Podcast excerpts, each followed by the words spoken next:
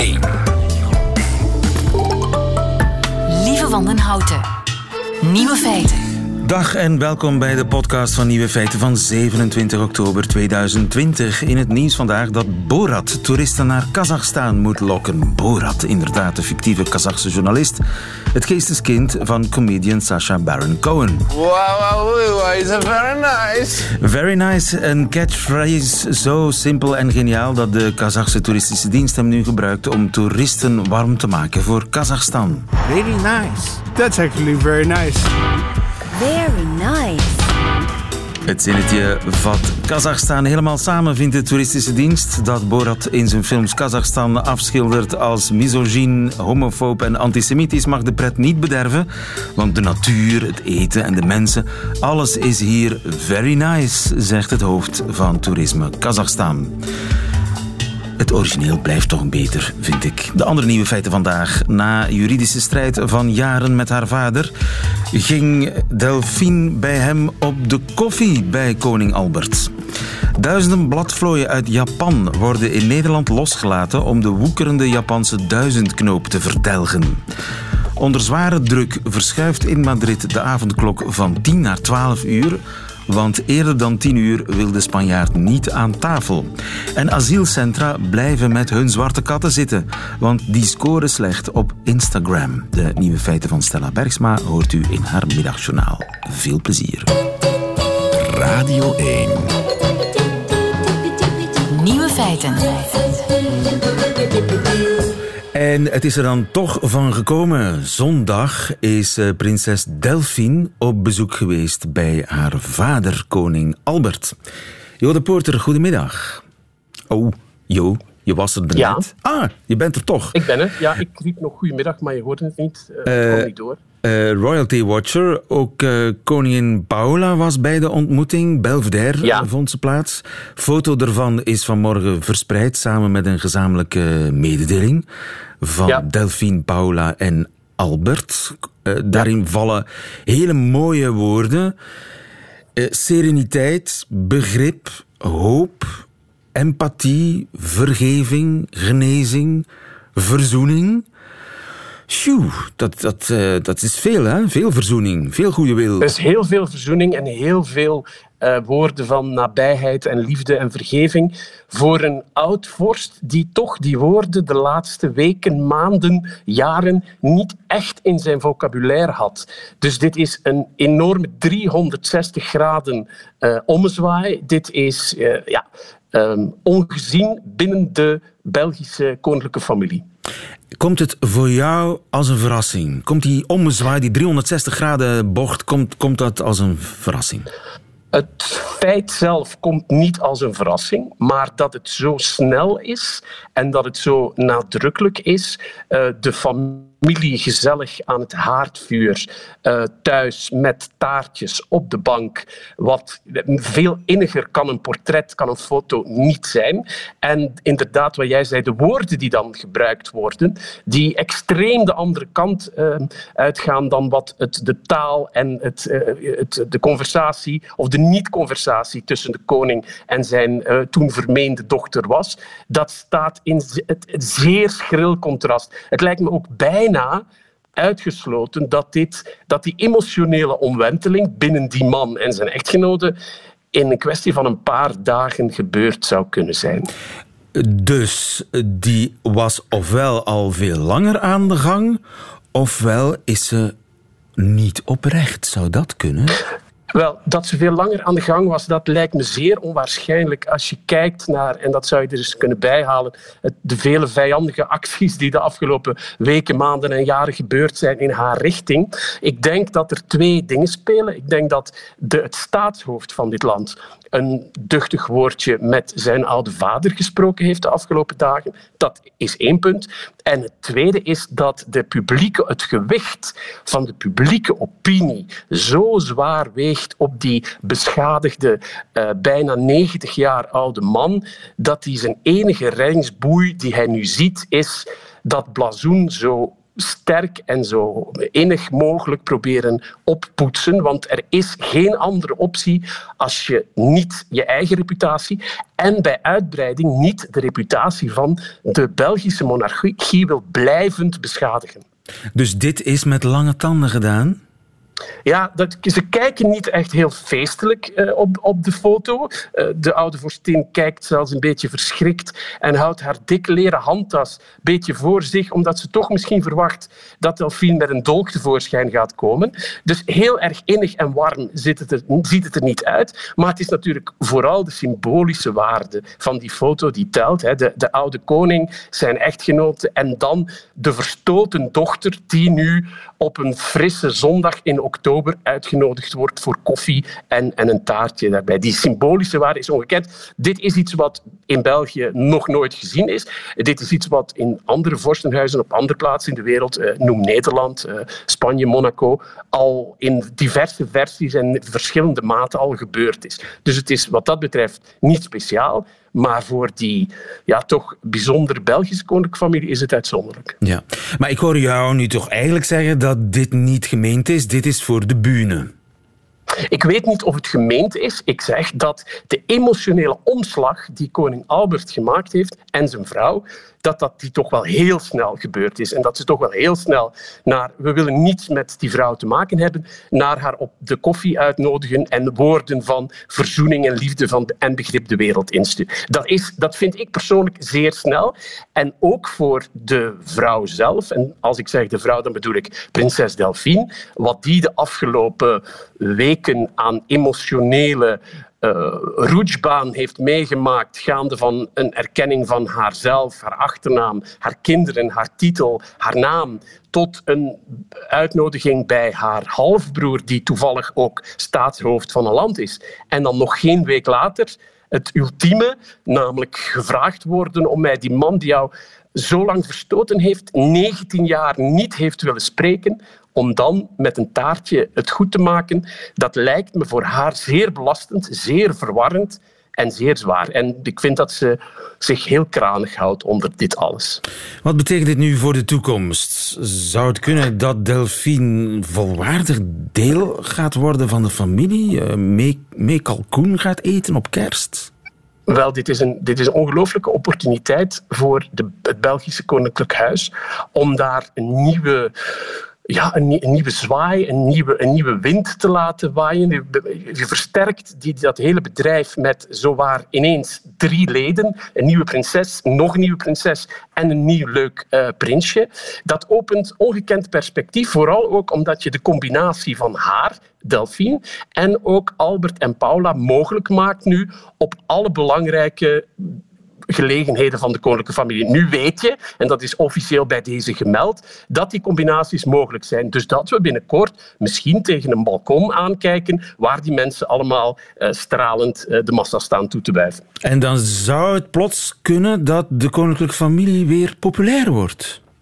Wel, je, je voegt een heel hedendaags element toe aan die familie. Namelijk uh, een pluszus en een plusneefje en een, al dat soort dingen die iedereen al kent uit zijn eigen omgeving en waar wij sinds jaren vrolijk mee uh, aan de slag zijn, die lijken nu ineens ook te bestaan in, in een familie die zich heel vooraanstaand uh, gedragen heeft. Of tenminste, de, bedoeling was dat ze zich zo gedragen hebben de afgelopen jaar. Dus dit zou wel eens kunnen een enorme, uh, iets positiefs betekenen voor de populariteit van een, uh, van een instelling die het toch niet gemakkelijk gehad heeft de laatste jaren.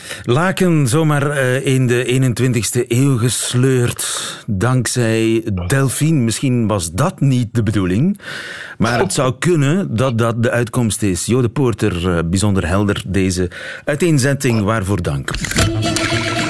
Radio 1. Nieuwe feiten. Het dierenasiel van Sint-Truiden krijgt haar zwarte katten niet verkocht. Het zit vol zwarte katten. Louise, Bonnie, Celeste, Suki of Fury. Het zijn stuk voor stuk uh, zwarte katjes met elk hun eigen karakter, zegt het asiel op zijn Facebookpagina.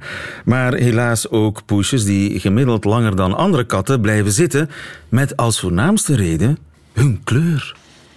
Chris Dussochois. Ja, Goedemiddag. Eh, nieuws en niet nieuws. eh, eh, Ja, nieuws voor mij. Is, is er een soort kattenracisme? Bestaat dat? Eh, je zou dat inderdaad eh, kunnen eh, stellen, dat er kattenracisme bestaat. Er zijn verschillende redenen waarom zwarte katten, en laten we eerlijk zijn, het is niet enkel een probleem van de kat, maar ook van de hond.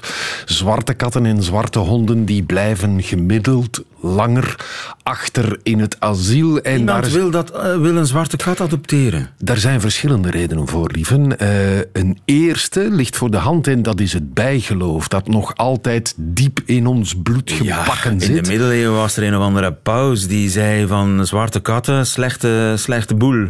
Ja, die, eh, in 1233 heeft paus Gregorius IX een, eh, een pauselijke bul Ja, geschreven. en die heet Fox in Rama. En daarin staat een incident beschreven eh, waarin heidenen na allerhande scabreuze activiteiten de kont van een zwarte kat kusten. En dat, daarmee leek dan het lot van de zwarte kat voor eeuwig verbonden. Zij was des duivels. Zij was des duivels.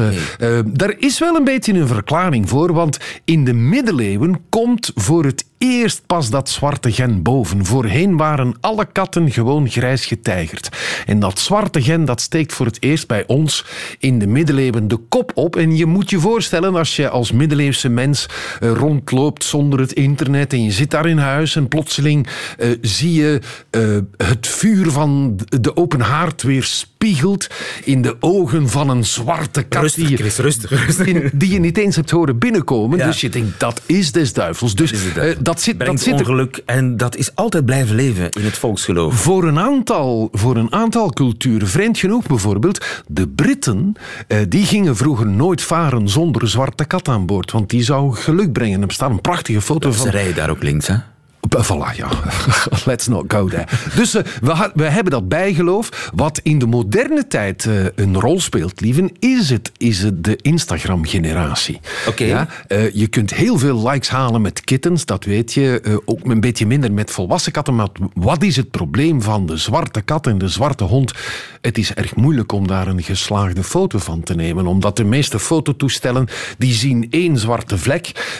Dus die halen daar de contrastrijkheid niet van uit. Dus zwarte katten scoren sowieso minder. Oké, dus Louise, Bonnie. Celeste, Ja. Celeste, Suki en Fury, die zijn niet grammable. Die zijn niet Instagrammable, dat is een probleem. En wat bijkomend is, eh, er zijn meerdere proeven over gedaan. Er werden eh, mensen foto's voorgelegd van katten en dan moesten ze eh, ja, vermeende karaktereigenschappen aan die katten toeschrijven. En wat bleek? Wanneer ze een zwarte kat of een zwarte hond zagen, dan zeiden ze stevast, wij denken dat die agressief is. Of wij denken dat die gemeen is. Wat meer is ook een... eh, katten hebben sowieso al niet een echt expressieve kop, zeker niet als je het vergelijkt met honden. Maar zwarte katten lijken nog een groter mysterie dan de witte kat of de rosse kater.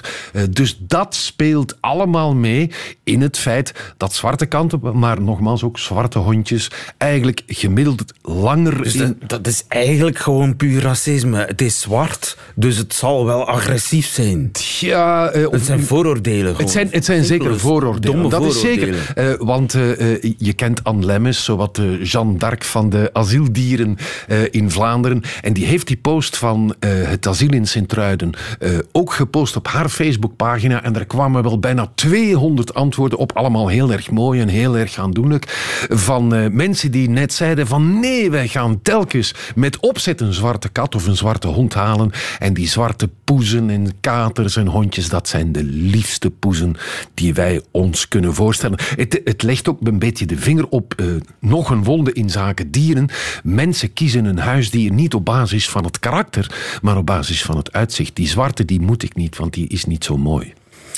Black Cats Matter. Laten we het daarop houden. Dankjewel, Chris Dussochois. Goedemiddag. Radio 1. Nieuwe feiten. Lieven van den Houten. Met geen stokken krijg je de Madrilenen en bij uitbreiding de Spanjaarden voor tien uur s'avonds aan tafel. Nochtans was dat de bedoeling. Het stadsbestuur van Madrid nam de voorbije weken strenge maatregelen tegen corona. Zo mochten restaurants geen maaltijden meer aanbieden na tien uur s'avonds. Maar onder grote druk is die maatregel teruggedraaid. Sven Duitens in Madrid, goedemiddag. Goedemiddag. In feite, goede ochtend, want wij zijn hier nog altijd, spreken nog altijd over ochtend bij in Spanje. Dus in Madrid zeg je goedemorgen tot half één 's middags. Want voor alle duidelijkheid, we zitten in dezelfde tijdzone. Het is op dit moment bijna half één ook in Madrid. Ja, het is half één, maar tot twee uur mogen wij ochtend zeggen, want om twee uur gaan de Madrilenen aan tafel. En uh, op dit moment is het nog veel te vroeg om aan tafel te gaan. Dus dat We zitten op ook een beetje vroegochtendelijk uur, om half één. Het is ochtend tot twee uur 's middags. En dus de Madrileense, het Madrileense bestuur wou mensen aan tafel krijgen voor tien uur s'avonds. Dat is niet gelukt. Er is veel protest tegengekomen. Ja, dat is uh, een cultuur veranderen. Mensen willen gewoon niet veranderen. Uh, Spanjaarden gaan heel laat uh, lunchen, om twee uur namiddags, ook in de week. Mensen gaan ook geen sandwich halen tussen de middag om dan snel verder te werken. Mensen gaan echt uitgebreid eten, want warm eten doe je dus smiddags en niet s'avonds. En dus dat wil zeggen dat mensen uh, ja, van twee tot vier, soms tot vijf, uh, aan het lunchen zijn. Dus dat, wil, dat is normaal dat je dan tegen zeven, acht uur nog altijd geen honger hebt. En dus de avondklok instellen om, uh, om 11 uur s'avonds uh, was dus een maatregel die niet lukte. En dus heeft de centrale regering de regio's zelf de mogelijkheid gegeven om te sleutelen aan het begin van die avondklok. De Catalanen beginnen al om 10 uur s'avonds met die avondklok, maar in Madrid is dat opgeschoven naar middernacht. Omdat precies uh, mensen anders ja, niet aan tafel gingen. Want ze moesten anders voor tien uur aan tafel gaan. En dat, met die avondklok was dat eigenlijk onmogelijk. Ja, dat was dan de moeite niet meer om die restaurants nog open te houden. Dus uh, de, de, de, maatregel om om 12 uur pas te sluiten geeft dus al die restaurants de kans om toch nog uh, iets, uh, iets te geven aan hun klanten. En dus de maatregel is echt economisch ingegeven, dus om die restaurants in Madrid te redden. Maar waar komt dat eigenlijk vandaan, dat, dat twee uur later leven? Wel, een van de, een van de redenen, uh, daarvoor moeten we teruggaan naar 1942, hè, toen uh, de staatsleider in, in Spanje generaal Franco was. En generaal Franco, wel, die, die had het niet zo op met Londen. Hè. Toen was Spanje nog altijd in de tijdzone van Londen, wat eigenlijk logisch is, want Madrid ligt eigenlijk iets ten westen van, van, van Londen. Dus normaal zouden wij dus in de tijdzone van Londen moeten zitten. Wel, omdat hij eigenlijk meer affiniteiten had met Adolf Hitler, heeft hij beslist om zich af te stemmen op Berlijn. En het uur van Berlijn is dus een uur, een uur later. En dat heeft er ook voor gezorgd dat alles wat eigenlijk al later begon in Spanje nog eens een uur is opgeschoven. Uh, dus, dus dat is een van de redenen waarom Spanje zo, zo verschillend leeft met de rest van, van Europa. Dus het is eigenlijk allemaal met Franco begonnen? Wel, dat heeft het, uh, ja, Franco heeft het, heeft het er niet gemakkelijker op gemaakt. Hè. Dat is nu Madrid moest uh, leven volgens de Berlijnse tijd en niet volgens de Londense tijd. Inderdaad. Jeetje, en dat, dat is blijven hangen en is kennelijk er niet uit te slaan. Mensen houden daar heel sterk aan. Ze voelen dat als een onderdeel van hun identiteit. Ja, het maakt, het maakt echt deel uit van cultuur. Hè. Dus politiek voelen de Spanje zich wel Euro, Spanjaarden zich wel Europeaan, omdat ze dus deel uitmaken van de Europese Unie. Maar cultureel uh, zeggen ze zelf dat ze er niet bij horen. Hè. Tegen mij zeggen ze dikwijls, Sven, jij bent een Europeaan. Als Hè? Europeaan eet okay. jij. Dus zij zien mij als een Europeaan, maar ze beschouwen zichzelf niet als Europeanen.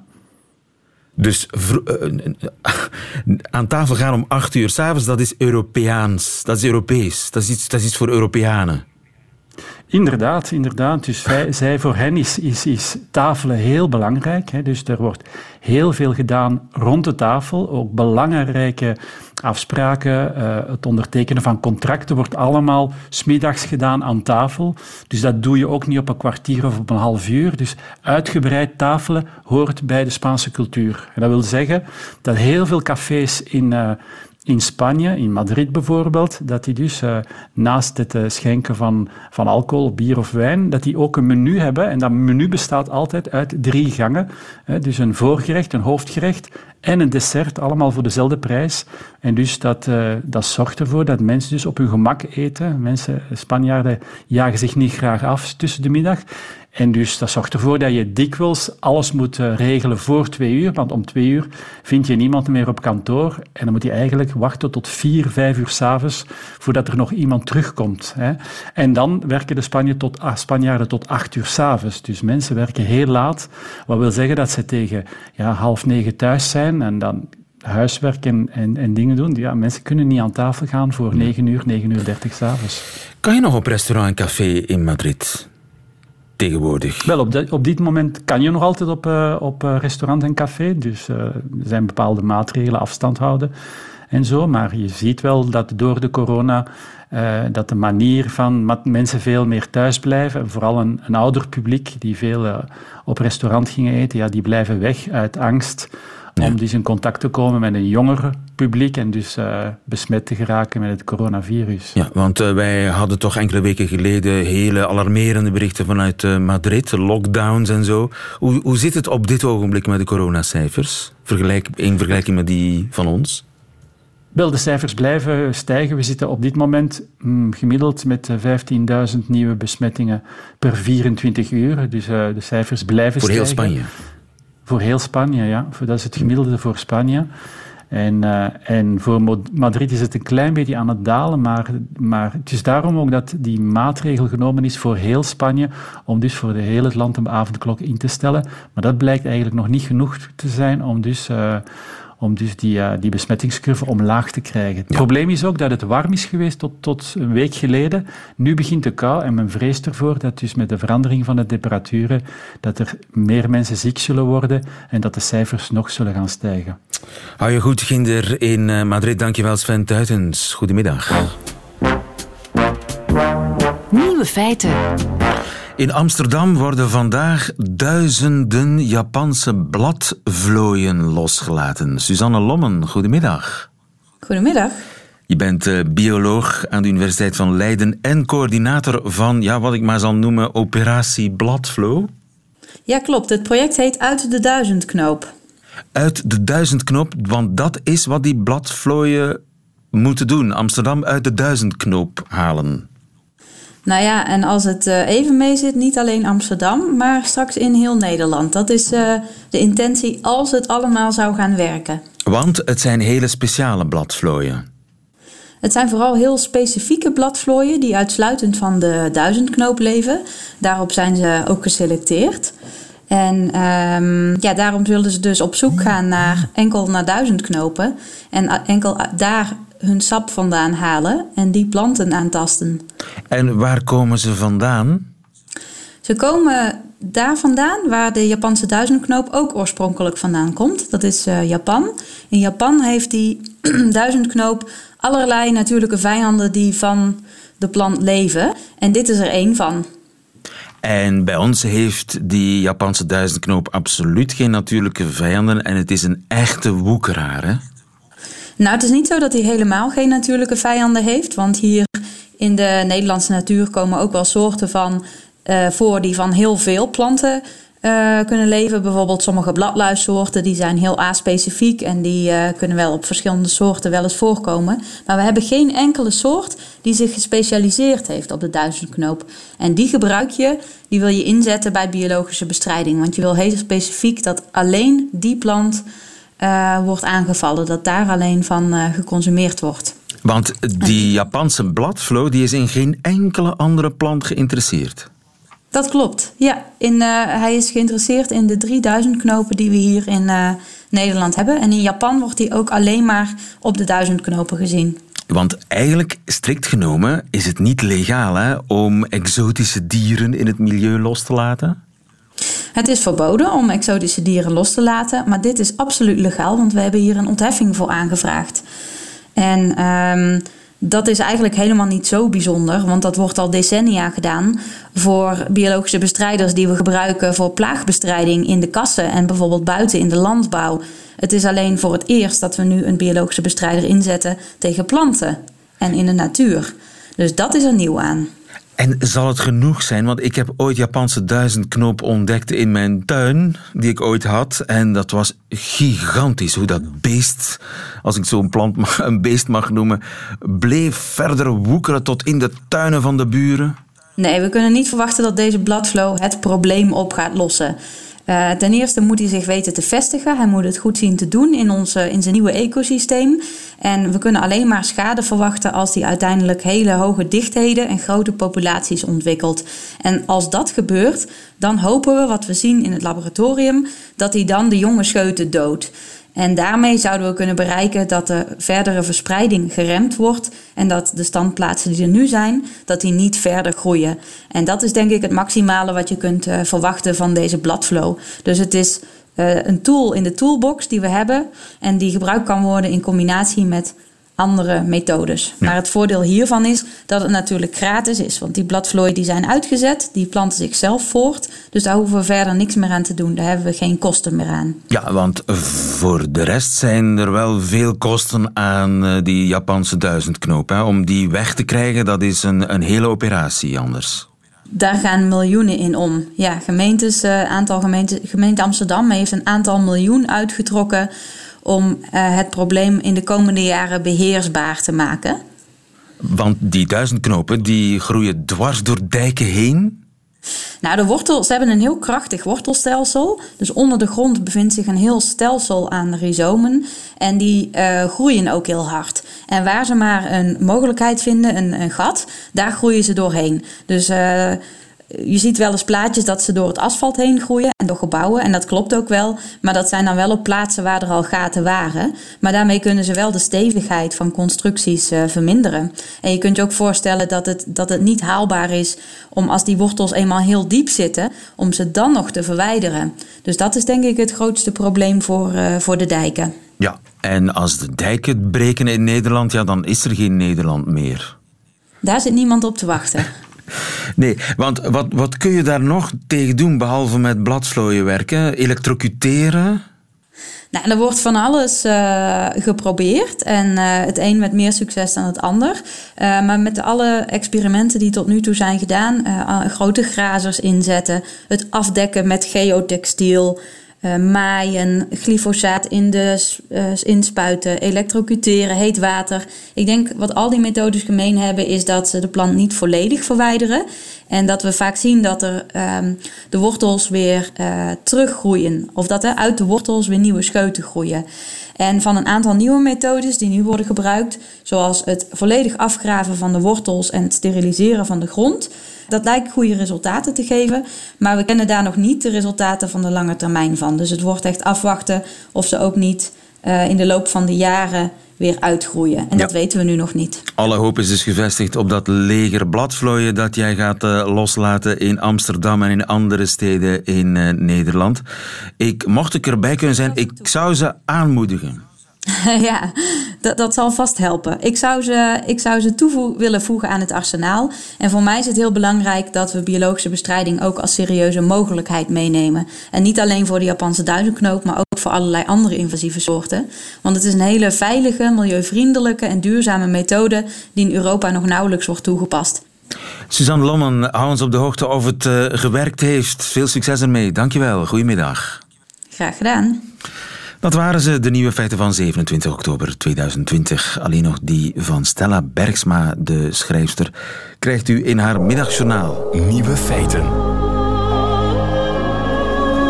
Middagjournaal. Niemand hoeft mij te volgen. Maar sommige mensen doen dat toch graag en soms alleen maar om het te haten. Achterlijke trut, ik hoop het je rot in de hel, kreeg ik gisteren in mijn inboxje. Ik krijg altijd een hoop haat. Waarom weet ik ook niet. Misschien heb ik haatvagende oogjes. Geen idee. Meestal hoef ik er weinig voor te doen behalve zo'n beetje bestaan. Want hele spectaculaire of schokkende dingen zeg ik eigenlijk zelden. Enfin, haat, ejaculaties, scheldbukakes. Ik deel ze bijna altijd met mijn volgers. Mits gedoseerd. Waarom, zul je zeggen? Je wilt de wereld toch een mooiere plek maken? Zeker wil ik dat, maar ik vind niet dat je dat doet door de lelijkheid toe te dekken. Mooie en nare dingen bestaan allebei. En als je dat laatste ontkent, verdwijnt het niet. Nee, het broeit juist onderhuids voort. Soms moet je de etterende realiteit uitknijpen en is zonlicht het beste desinfecteermiddel. Nou, er zijn dus mensen die dat onprettig vinden. Die vinden dat ik daarmee meedoe aan het verspreiden van ellende. Hou onze tijdlijn mooi, schreef iemand me vandaag op Insta. Ik ben het daarmee oneens. Mooi is mooi, maar ook plastic en nep als je alleen maar lelijkte ontkent. Als mensen bedreigingen, racisme en scheldpartijen voor zich moeten houden, zitten ze er in hun eentje mee. Prachtig die schoonheid, maar schone schijn doet alleen maar pijn. Samen kunnen we echt schoonmaken. En niet door dingen onder het tapijt te vegen. Maar ik denk ook eigenlijk dat mensen die mij adviseren om haatberichten te negeren, gewoon eigenlijk zelf die eh, confrontatie moeilijk vinden als u me nog kunt volgen. En het mooie is, dat hoeft dus niet.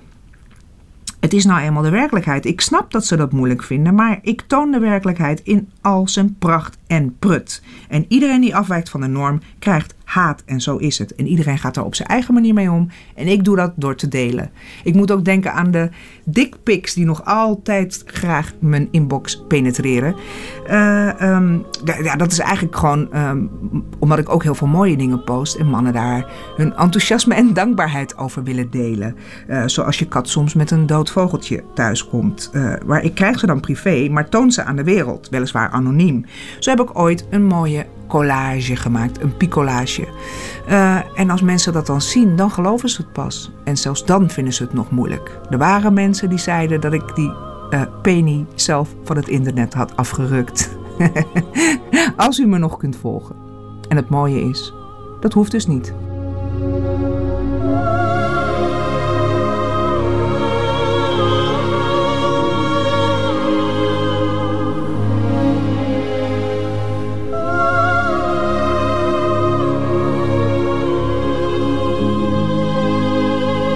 Middagjournaal met Stella Bergsma. Einde van deze podcast. Hoort u liever de volledige uitzending van Nieuwe Feiten? Dat kan natuurlijk via de Radio 1-app of via de Radio 1-site. Daar vindt u overigens nog veel meer fijne podcasts. Tot een volgende keer.